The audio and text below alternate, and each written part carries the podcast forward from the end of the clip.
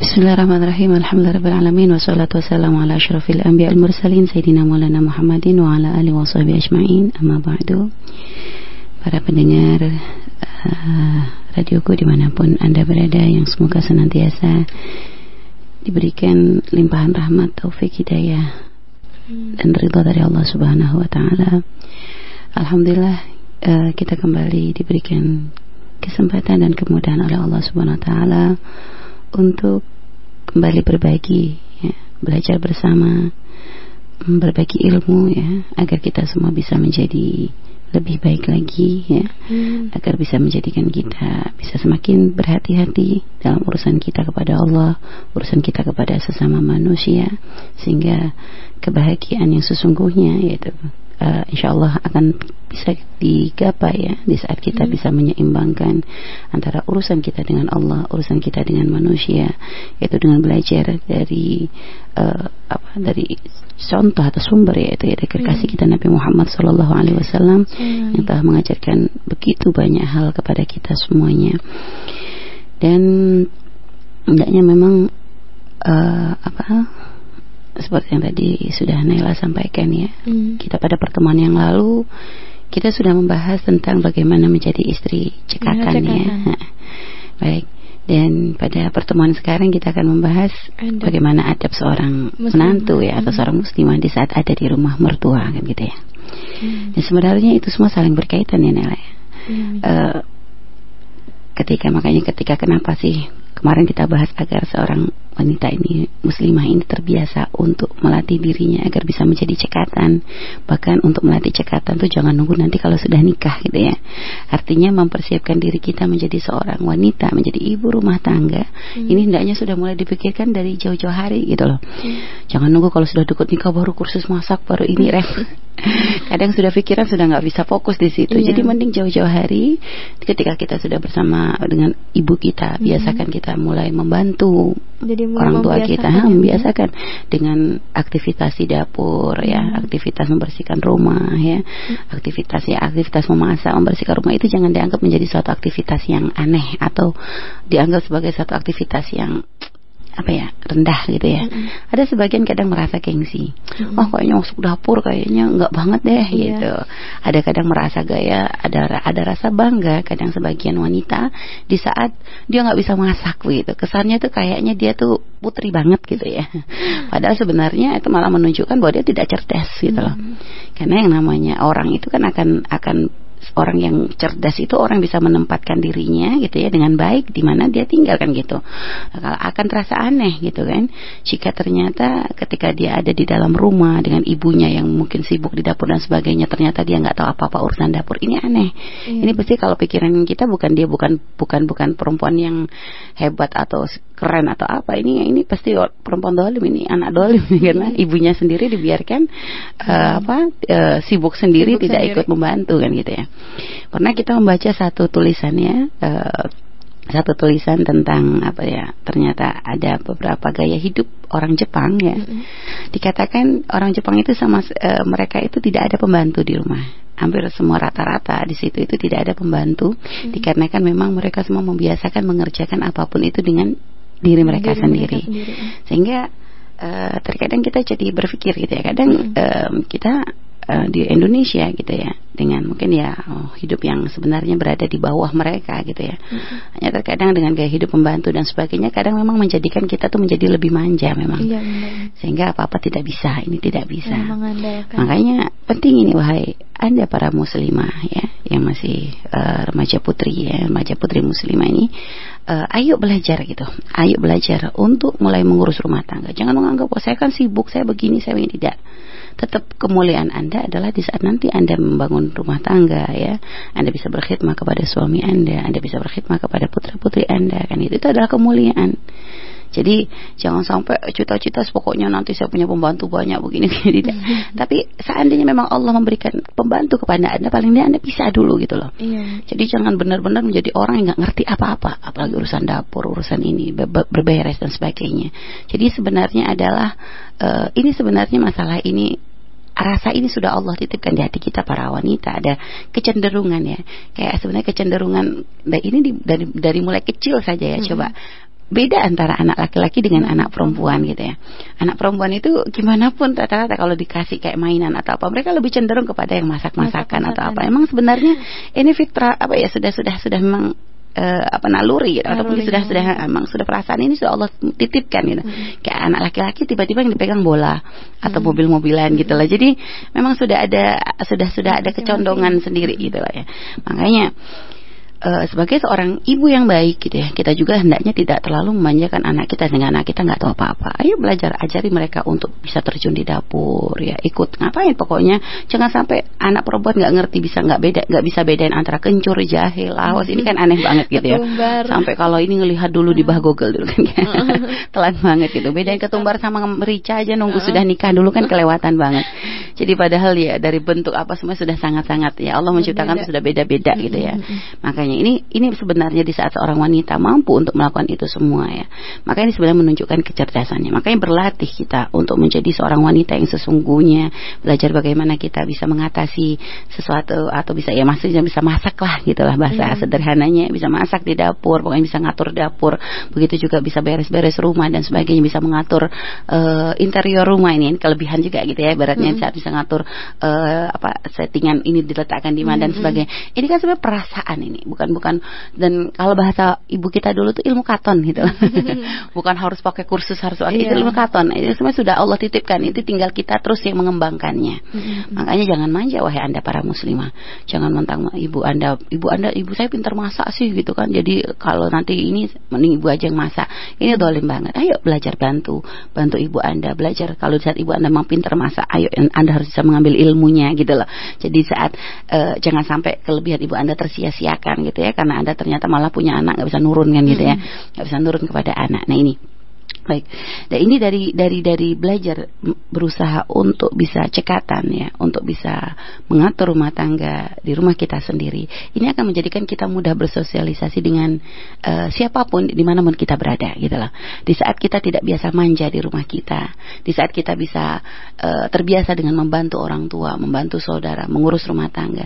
Ini kita tuh mau ditaruh di mana pun akan mudah di saat mungkin subhanallah kita mungkin diletakkan di pondok misalnya di pesantren atau mungkin di ya mungkin mungkin ada sebagian di pesantren atau mungkin di kos kos di asrama atau di tempat kos kosan dan sebagainya gitu ya mm-hmm. artinya berpisah dari orang tua sebelum menikah biasanya mm-hmm. kan ada fase kadang berpisah karena untuk pendidikan dan sebagainya ini tidak akan menjadi kesulitan baginya dia uh, karena kalau seandainya memang dia harus tinggal sendiri misalnya di tempat kos gitu ya maka hmm. dia tidak akan repot untuk ngurus diri sendiri karena sudah terbiasa terlatih di rumah. Hmm. begitupun di saat nanti dia misalnya dia harus berkelompok misalnya dia tidak akan repot. Malah mungkin dia menjadi orang yang paling uh, apa uh, paling paling hebat di antara teman-temannya yang lain kan gitu. Karena dia bisa diandalkan. Hmm. dia bisa ini bisa itu dan sebagainya. Jadi ada keuntungan, tidak akan rugi dengan Anda belajar untuk bisa semua ya ketika Anda berada, masih berada di rumah Anda kan gitu ya.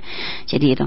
Nah, terus keuntungannya lagi adalah di saat nanti setelah menikah ya karena bagaimanapun menjadi seorang istri gitu ya kita tentu kita kepengen bagaimana kita bisa memberikan yang terbaik untuk suami kita hmm. kan gitu ya dan apalagi nah terus uh, intinya itu semua adalah hal yang hendaknya menjadi suatu prioritas ya artinya harus dipikirkan oleh semua muslimah gitu ya yang masih belum menikah nih untuk menjadi wanita serba bisa gitu loh artinya ya. jadi ya mengatur rumah tangga dan sebagainya jadi Uh, jangan intinya jangan jangan berharap udahlah nanti gampang ada pembantu ada ini. Nanti saya tinggalnya sama orang tua aja. Nanti saya sudah jangan mikir yang begitu. beli. iya siap ayo persiapkan dulu. Ibaratnya sedia payung sebelum hujan gitu loh jadi anda persiapkan diri anda sebaik-baiknya gitu. Karena kita kita nggak tahu seperti apa nanti kondisi kita. Seperti kita akan berada di mana suami kita gimana kan gitu. Kita nggak ngerti.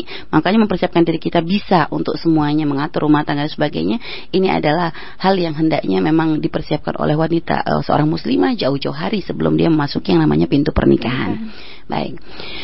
E, terus setelah itu ketika menikah ya, tentunya kita harus menyadari bahwa kita menikah bukan hanya dengan seorang laki-laki, akan tapi menikah itu adalah mempertemukan dua keluarga kan gitu ya. Bukan hanya pertemuan seorang laki-laki dan wanita saja, tapi ini adalah pertemuan dua keluarga. Sehingga ya kita nggak bisa hanya yang penting suami saya senang yang lain-lain terserah kan? Nggak nggak bisa seperti Benar. itu. Karena suami kita punya orang tua mm-hmm. dia punya keluarga punya kakak punya adik kan? Gitu. Kita pun begitu suami kita pun harus bisa memahami bahwa kita punya orang tua punya saudara punya ya punya kerabat kan? Gitu. Kita akan senang di saat suami kita ternyata bisa bergaul dengan baik dengan orang tua kita.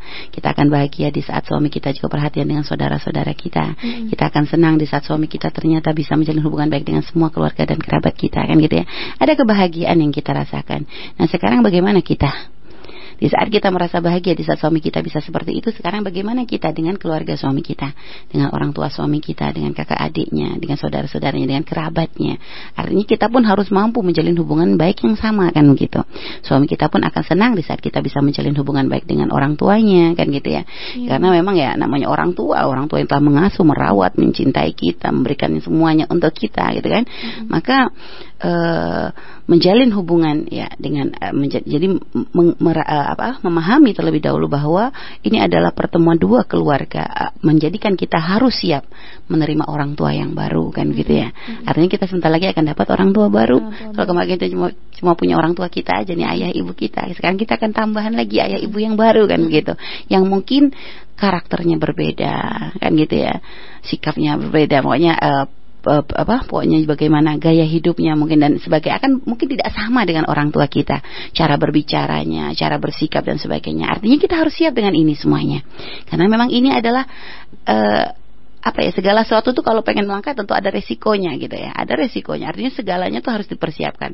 Kalau anda siap untuk sekolah anda siap harus dengan ujian dan belajar dan sebagainya kan gitu ya. Hmm. kalau anda memang nggak kepengen begitu ya nggak usah sekolah. Tapi nanti resikonya ada juga. Anda bodoh akan tertinggal dan sebagainya. Jadi apa pun yang akan kita pilih gitu ya itu tentu ada ada resiko yang harus kita yang akan kita hadapi dan harus bisa kita atasi kan gitu. Hmm. nah makanya memahami ini dari awal bahwa uh, ini adalah keluarga suami adalah keluarga saya yang mengatakan oh ini keluarga saya cuma ini yang itu terserah lah yang penting suami aja nggak bisa. Ini suami keluarga suami adalah keluarga keluarga kita. Sehingga makanya menjalin, menjalin hubungan ini menjalin hubungan dengan baik ya dengan keluarga suami ini harus menjadi prioritas bagi setiap muslimah ya di saat sudah menjalin hubungan e, pernikahan gitu ya sudah terjadi pernikahan. Baik. Dan sekarang terkadang yang namanya memang tradisi di negeri kita ya kalau sudah menikah kadang kepengen mandiri gitu ya kadang uh, kepengen punya rumah sendiri tidak ingin ikut orang tua tidak tidak ikut mertua. Artinya ya sudah bisa mandiri ya dari mulai dari nol walaupun rumah kecil nggak masalah kan gitu ya.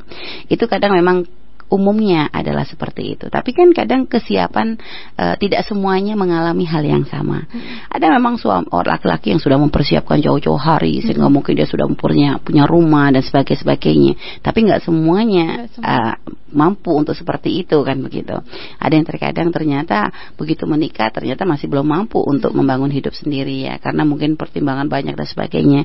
Sehingga akhirnya uh, solusi yang memang yang paling mudah ya, atau mungkin yang memang paling ya paling daripada ngontrak dan hmm. sebagainya kan gitu ya. Sehingga terkadang orang tua apalagi umumnya orang tua sudah sendirian sehingga terkadang uh, bergabung bersama hmm. orang tua atau mertua gitu ya itu menjadi solusi yang kadang dipilih oleh hmm. pasangan uh, bagi pasangan suami istri kan begitu ya di awal-awal pernikahan. Sehingga terkadang pilihannya apakah di orang tua kita atau di orang tua suami ya ini tinggal kesepakatan biasa seperti apa. Tinggal dilihat kondisi. Kalau orang tua kita adik-adiknya banyak rumahnya dan sebagainya tentu akhirnya pilihannya menjadi orang tua, tua. suami kan gitu ya. Mm -hmm. Jadi uh, ini biasanya pilihan setelah memang kita tidak bisa untuk saat ini tidak mampu untuk mandiri atau bangun rumah sendiri. Dan memang mempunyai rumah sendiri kadang menjadi satu uh, umumnya menjadi cita-cita atau keinginan setiap orang yang sudah berumah tangga kan begitu ya. Karena kepengen privasi, kepengen uh, benar-benar mandiri, kepengen mengatur semuanya sendiri itu maksudnya tidak ada ikut campur tangan orang lain kan. Di saat kita punya apa-apa sendiri kan rasanya lebih nyaman gitu ya. Kita nggak usah nggak usah pakai basa-basi, pakai apa semuanya benar-benar ini adalah atau uh, apa namanya nih uh, tempat kita, wilayah kita sehingga ya terserah kita mau ngapain gitu loh ya. Jadi kadang memang ini menjadi harapan sehingga kadang orang kalau mau menikah tuh sudah berangan-angan nanti begini, nanti begini, nanti begini kan gitu ya. Hanya itu tadi kadang tidak semua keinginan kita terwujud. Sehingga makanya di saat gitu ya, di saat harapan kita untuk bisa punya rumah sendiri, untuk bisa mandiri dan sebagainya ini ternyata tidak terwujud gitu ya. Sehingga akhirnya yang terpilih adalah karena untuk melihat masalah dan sebagainya gitu ya. Ada rumah mertua mertua. Ya mungkin subhanallah mertua nggak ada siapa-siapa di rumahnya. Mungkin yang lain-lainnya sudah mandiri karena sudah lebih dulu misalnya ya. Misalnya saudara-saudara suami kita sudah lebih mandiri terlebih dahulu. Dan tinggal mertua aja nih yang sendiri di sini. Tinggal mertua aja berdua aja di rumah. Tentunya adalah ego egois sekali jika ternyata uh, kita yang masih belum punya rumah lebih memilih Milih. untuk bayarin uh, orang lain gitu ya. Beli apa bayar rumah ke orang lain gitu ya hmm. daripada tinggal dengan mertua, mertua. kan gitu. Makanya ini artinya yang harus ditanamkan di dalam diri kita di saat kita mendapati hal yang seperti ini adalah berdamai dengan diri sendiri. Artinya hmm. berdamai dengan diri sendiri itu apa? Artinya yaitu e, bahwa tidak semua keinginan kita itu terwujud. Terkadang keinginan kita ini yang harus kita pangkas ya di saat ternyata di hadapan kita adalah yang seperti ini kan gitu ya. Jadi kita harus bijak, jangan egois, jangan langsung gara-gara pokoknya harus mandiri, harus privasi, gak mau gabung lah. Ini ini kalau sudah nanti kita sudah biasa untuk ngotot ya. Di saat padahal ada pilihan yang lebih bijak saat itu ya. Berkumpul bersama mertua dan sebagainya. Ini ini akan menanti kalau di saat kita tetap ngotot dengan pilihan kita harus sendiri. Nggak apa-apa ngontrak lebih enak. Berarti kita sudah mulai menanam bibit bibit-bibit ketidakindahan Indahan. antara kita dengan mertua kita. Sehingga makanya jangan belajar jangan-jangan berdamai dengan diri. Artinya kita jangan belajar jadi orang egois. Iya, iya. kita lihat suami kita seperti apa pendapat suami seperti apa. Kok kata suami kasihan bapak ibu sendiri dan sebagainya sudah. Kalau, kalau sudah begitu, walaupun keinginan kita adalah mandiri, pengen sebagai sebagainya adalah sendiri-sendiri, ya sudah. Suami menginginkan, menginginkan seperti ini, hmm. maka berusaha kita berdamai dengan diri kita sendiri.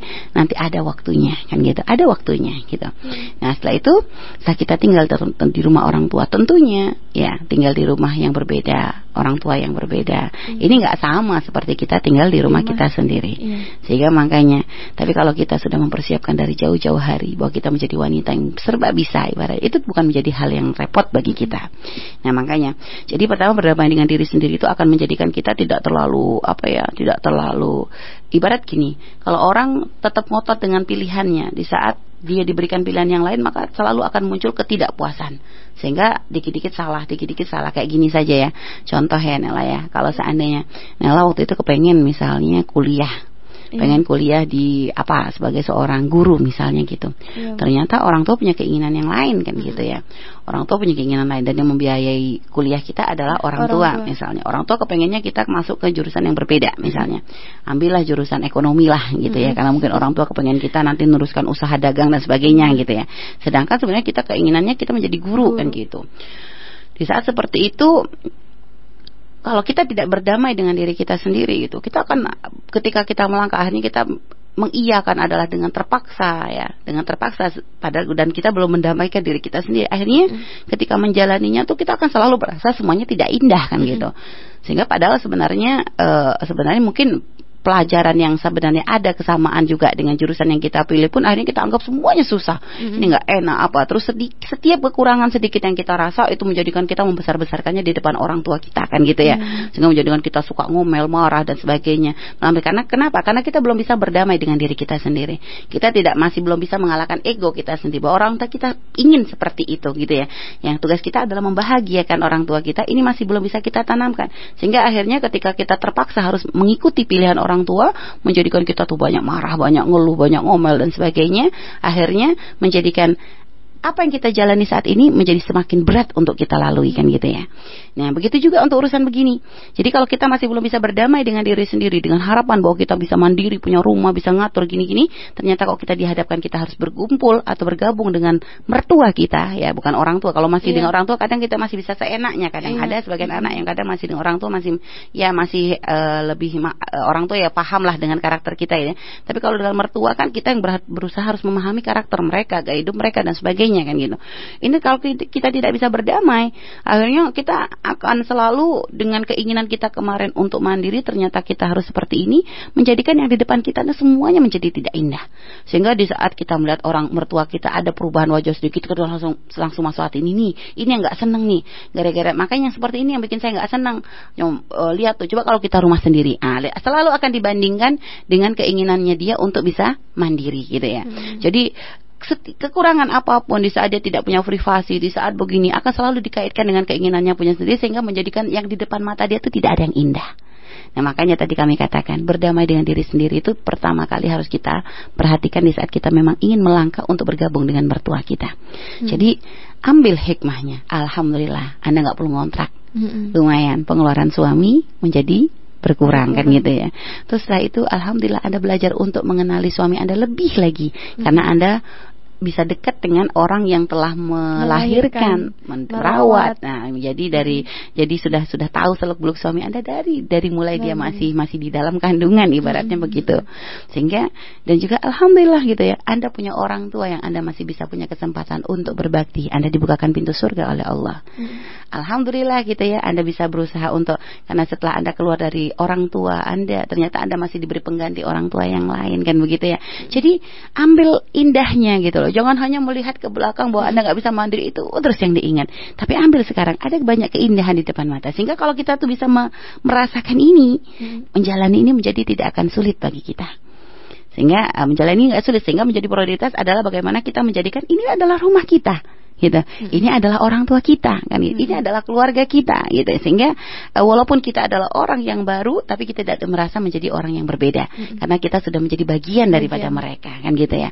Karena mertua kita juga dulu yang memilih kita untuk menjadi pasangan putranya kan gitu. Hmm. Jadi hal ini yang harus kita tanamkan gitu. Rasa syukur kita. Dulu kalau mertua kita nggak milih kita nggak jadi deh sama suami kita kan gitu ya. Sehingga harusnya uh, ada rasa berterima kasih lebih di hati kita ada karena mertua kita waktu itu milih kita kan gitu. Seandainya waktu dulu mertua kalau kita nentang mungkin kita nggak jadi abang suami kan gitu. Jadi ada rasa syukur ini menjadikan kita tuh bisa menghilangkan rasa tidak apa ketidakpuasan yang pernah yang kita rasakan karena apa? Keinginan kita tidak terwujud kan gitu ya. Jadi gitu. Makanya kayak apa namanya berusaha mengatasi kekurang apa sesuatu yang saat ini berbeda dari apa yang kita inginkan ya menjadikan itu lebih baik lagi kan enak gitu ya. Kayak itu tadi ya orang masa pengen nasi nggak tahu jadi bubur gitu kan ya. Nah, cuma uh, supaya rasanya lebih enak gimana dikompletin sekali sudah dibikin bikin indah semua bubur pun ternyata kalau dibenerin dikasih campuran yang pas kan ya akhirnya rasanya juga enak, enak. kan gitu ya. Hmm. artinya ya seperti itulah.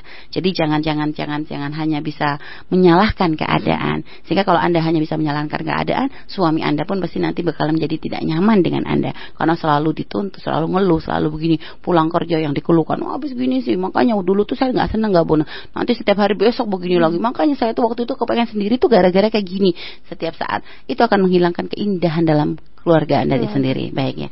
Ini ini adalah yang pertama. pertama. Baik ya. Ya baik terima kasih Mi awal yang indah ya Mi untuk mengawali pagi hari ini ketika mengetahui bahwasanya uh, kita harus lebih bisa menyampingkan terlebih dahulu ego kita ya Mi.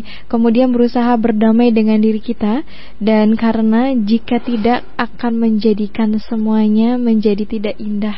Maka awali pagi hari ini ya sahabat ketika sahabat juga mungkin mengalami kejadian yang sama ketika berada di uh, rumah mertua, maka kita pun harus bisa untuk menganggap mertua kita sebagai orang tua kita juga. Baik uh, tadi kita sudah uh, apa sudah memberikan poin yang pertama yaitu hmm. yaitu bagaimana kita bisa berdamai dengan diri kita sendiri ya sehingga kita tidak menyalahkan keadaan akan tapi bagaimana kita bisa mengatasi apa yang ada di hadapan kita ini dengan cara yang baik kan gitu ya hmm. dan selalu berusnudan kepada Allah tentunya itu hmm. adalah kunci kita ya untuk menjalani kehidupan hmm. lalu belajar memahami kondisi yang berbeda dari rumah kita gitu ya. Hmm. Artinya tentunya nanti ketika kita masuk ke rumah mertua ada banyak hal yang berbeda.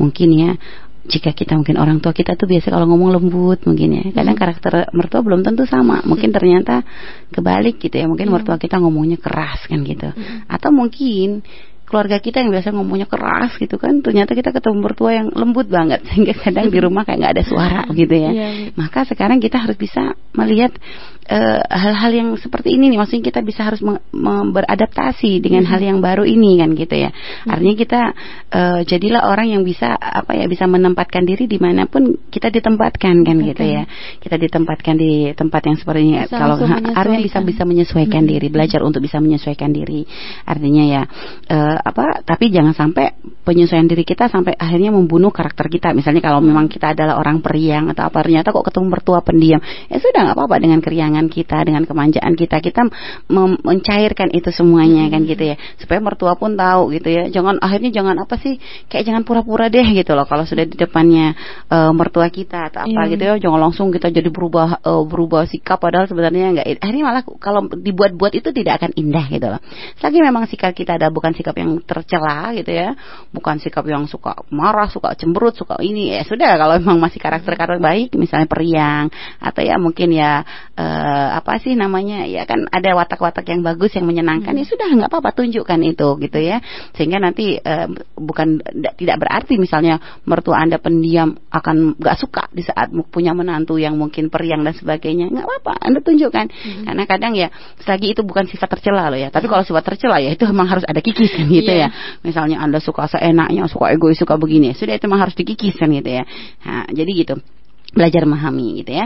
Jadi terus uh, mungkin uh, gaya apa sih uh, tradisi mungkin kalau jam tidur misalnya iya. mungkin di rumah anda jam tidur segini di sini gini ya anda hmm. menyesuaikan lah kalau memang uh, kondisi di mertua adalah seperti ini anda hmm. ikuti kebiasaan yang ada di situ ibarat ya kayak kayak kita kalau pergi ke negeri yang berbeda gitu ya hmm. kita pergi di Indonesia kita pergi ya kita akan menyesuaikan dengan lingkungan yang ada kayak ketika uh, masih ingat gitu ya ketika Umi waktu di uh, pertama kali kita pergi ke Yaman gitu ya hmm. kita memang sempat dikagetkan dengan tradisi yang berbeda kondisi yang berbeda gaya hidup yang berbeda hmm. gitu ya. Um, ketika waktu itu pernah pertama kali setelah berapa hari kita di situ ternyata ada rapat kumpul dengan orang Yaman semua. Mereka mau ngomongkan keras gitu. Kita pikir berantem, kita takut ternyata bukan. Emang gaya ngomongnya memang yeah. mereka seperti itu gitu ya. Awalnya kita merasa takut tapi akhirnya oh ternyata enggak gitu ya. Mm-hmm. Terus juga ada beberapa kadang cara makan kan gitu mm-hmm. ya. Terus ya gaya hidupnya jam jadi kadang ada memang yang kadang kita ikuti ada yang tidak kita ikuti. Mm-hmm. Kayak mungkin ada sebagian tradisi mereka suka tidur malam banget, tapi nanti setelah subuh semuanya pada tidur gitu ya. Hmm. Nah, ini kadang tradisi yang kadang waktu itu anak-anak Indonesia nggak suka ngikutin gitu ya. Hmm. Sehingga kita tidur ya di jam yang memang sepantasnya tidur ya, kita tidur lebih dahulu, nanti kita bangun lebih awal dan setelah subuh kita nggak tidur kan gitu. Hmm. Jadi ada memang yang memang harus diikuti, ikuti kalau enggak enggak gitu loh. Hmm. Jadi tinggal dilihat maslahatnya seperti apa kan gitu. Ya. Hanya di mertua kadang gitu ya. Terus mungkin masakannya gitu ya. Mm-hmm. Mungkin di rumah kita pada senang pedes mah, di rumah tua kita enggak. Eh jangan manis. egois dong. Jangan nanti kalau kita masak kita masak kayak di rumah kita masakannya pedes semua ini. Mending kalau emang kita enggak cocok dengan masakan mertua ya kita minta pamit. Saya enggak cocok anu punten gini-gini dengan bahasa yang indah dan sebagainya. Ya kita masak aja sendiri kan gitu ya. Selesai. Yeah. Artinya jangan sampai kita tertekan gara-gara kita misalnya senang ini enggak taunya ketemu yang manis-manis, akhirnya kita stres sendiri enggak betah dan sebagainya. Karena kalau kita memaksakannya akhirnya menjadikan kita sendiri tertekan. Padahal kita tidak ingin begitu. Karena kalau orang sudah hatinya tidak nyaman, tertekan, akhirnya menjadi tidak indah semuanya nanti. Ya. Makanya dibikin nyaman aja. Anggap kayak rumah kita ya, sendiri. sendiri. Ah, gitu loh. Hmm. Jadi anggap kayak rumah kita sendiri. Belajar kita pokoknya. Tapi ingat, tidak sampai melewati batasan-batasan atau aturan yang ada di dalam keluarga tersebut gitu loh. Hmm. Ya. Jadi begitu. Jadi uh, apa namanya setelah belajar memahami dengan menganggap itu adalah seperti rumah kita sendiri itu akan menjadikan kita merasa nyaman. Sehingga kalau masak ya kita menyesuaikan kalau kita ini masak jangan egois juga. Jangan kalau karena masakannya beda ya sudah mertua suruh masak sendiri saya masak sendiri. Ini egois gitu ya. Egois kata kalau begini. Kenapa kita masakin untuk mertua nanti setelah itu ada waktu kita masak untuk diri kita sendiri. Prioritas kan adalah mertua kita, orang tua kita kan gitu. Jadi uh, supaya apa namanya uh, kita kita kita kita pengen menjalin hubungan yang baik. Kalau perlu ada obrolan obrolan kadang ya sering ngomong ibu senangnya apa? Ayah senangnya apa? gitu ya. Hmm. jadi panggilan pun panggilan menyesuaikan. Misalnya suami manggil dengan panggilan ayah ibu atau abah umi ya kita mengikuti seperti yang suami kita manggil gitu ya. Hmm. jadi uh, terus juga bermanja biasa untuk untuk bersikap nyaman gitu loh ya.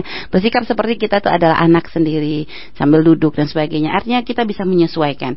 Terus uh, apa namanya setelah itu ya itu tadi ya um, kita bisa menyesuaikan dan intinya jangan hanya ya tadi karena kita tahu bahwa ini adalah keluarga kita jangan hanya berpikir bahwa harus berduaan aja dengan suami emang benar yang namanya hmm. pengantin baru kepengennya berduaan akan tapi anda harus tahu diri anda dengan siapa kan gitu ya hmm. dengan mertua jangan hanya diam di kamar aja mohon maaf sehingga hmm. kadang sampai gak peduli mertua gimana gimana ini akan menjadi bibit ketidaknyamanan dari awal. Hmm, Sehingga walaupun tahu Anda adalah pengantin baru, Anda senang dengan suami Anda, pengen berduaan, tapi ambil waktu kapan yang pantas, ambil waktu yang pas begitu ya. Hmm. Setelah itu sisanya adalah kemesraan dengan mertua Anda juga pun akan menjadikan keindahan Anda dengan suami Anda di ke depan harinya kan gitu ya.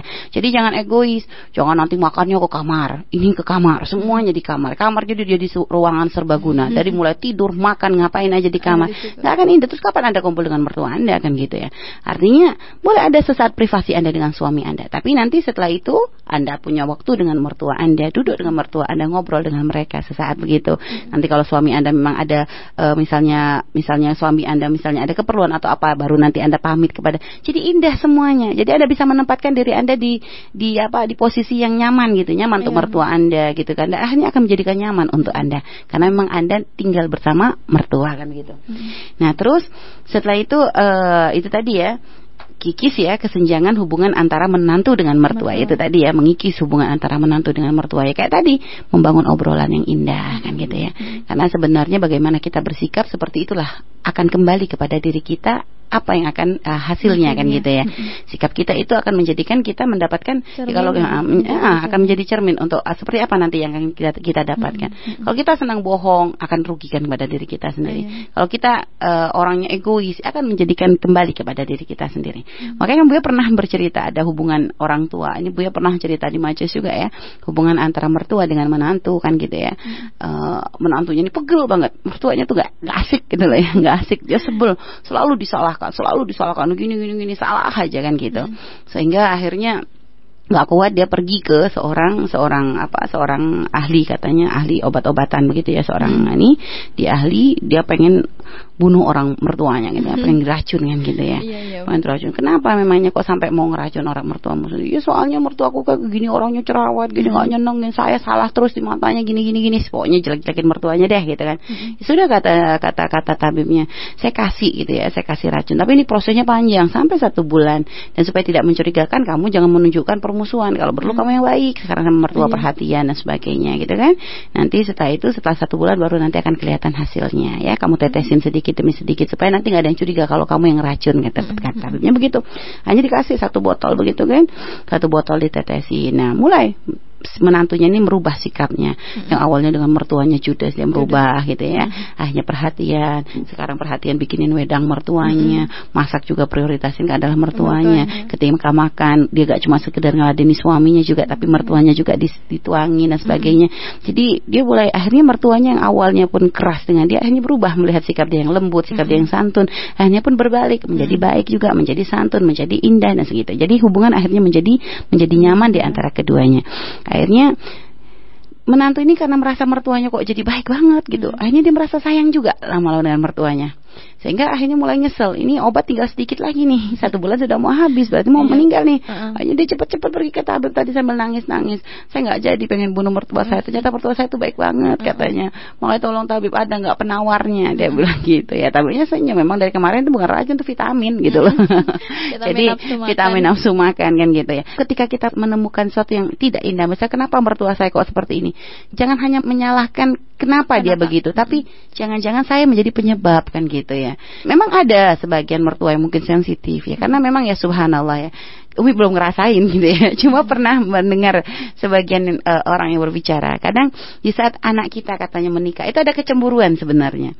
Kecemburuan orang tua di saat anaknya menikah, menemukan pasangan yang baru, merasa itu terkadang ada kecemburuan di hati yang kadang nggak bisa. Ya cemburu gimana? Ya? Bukan cemburu-cemburu. Ya rasa rasa dulu dia tuh milik saya, dia hmm. anak saya. Dia tiba-tiba kok ada orang lain yang masuk gitu. Kadang hmm. ada perasaan yang sehingga terkadang menjadikan mertua itu menjadi lebih sensitif bisa begitu, menjadi lebih sensitif sensitif. Sehingga kadang uh, makanya memang uh, paling Artinya memang ini harus butuh kekompakan suami dan istri. Artinya karena memang kita berada di rumah mertua, misalnya di rumah orang tua suami misalnya. Kalau ada misalnya konflik antara kita dengan suami, jangan sampai terlihat kepada mertua. Betul. Karena namanya mertua adalah orang tua suami kita yang merawat. Hmm. Tentunya akan merasa marah di saat anaknya tersakiti. Hmm. Makanya suami pun harus bijak di saat ada konflik, jangan langsung ditunjukkan ke depan ini. Akhirnya mertua benci dengan hmm. menantunya, gitu ya, sehingga hubungan tidak akan bisa terjalin indah. Makanya tutupi kalau ada masalah begini. Kalau seandainya nanti mertua misalnya komentar begini, suami yang menutupi. Enggak kok Bu baik begini-begini. Hmm. Jadi supaya apa? Supaya tidak sampai mertua tuh sudah kadung hatinya nggak nyaman dulu dengan menantu gitu loh. Jadi hmm. memang suami pun punya peranan, suami kita pun punya peranan di sini untuk agar hubungan kita dengan mertua kita pun menjadi indah kan gitu. Hmm. Karena namanya pernikahan pastilah ada ada ada konflik, ada ada marah, ada begitu sebenarnya wajar gitu ya. Wajar terjadi yang namanya rumah tangga gak mungkin mulus aja tuh kayaknya nggak banget deh, kayaknya nggak ada gitu ya. Tentu ada kadang riak-riaknya tuh ada lah gitu ya. Lika-likunya tuh ada gitu ya. Hanya sekarang bagaimana agar suami ini tidak sampai permasalahan itu mencuat keluar hanya terlihat oleh yang lain. Apalagi jika kita tinggal bersama orang tua kita, gitu ya. Baik tinggal di rumah orang tua kita ataupun di mertua kita, tutupi permasalahan ini supaya nanti orang tua kita atau mertua kita tidak terlibat hatinya atau merasa sakit hatinya mm-hmm. melihat kita dan suami kita seperti ini. Akhirnya kitanya sudah damai, ujung-ujung mertua kita masih marah, marah. dengan kita atau orang tua kita masih marah gitu ya. Jadi biasakan orang tua kita tuh tidak dilibatkan dengan konflik yang ada di dalam rumah tangga antara kita dengan suami kita. Mm-hmm. Itu tadi ya.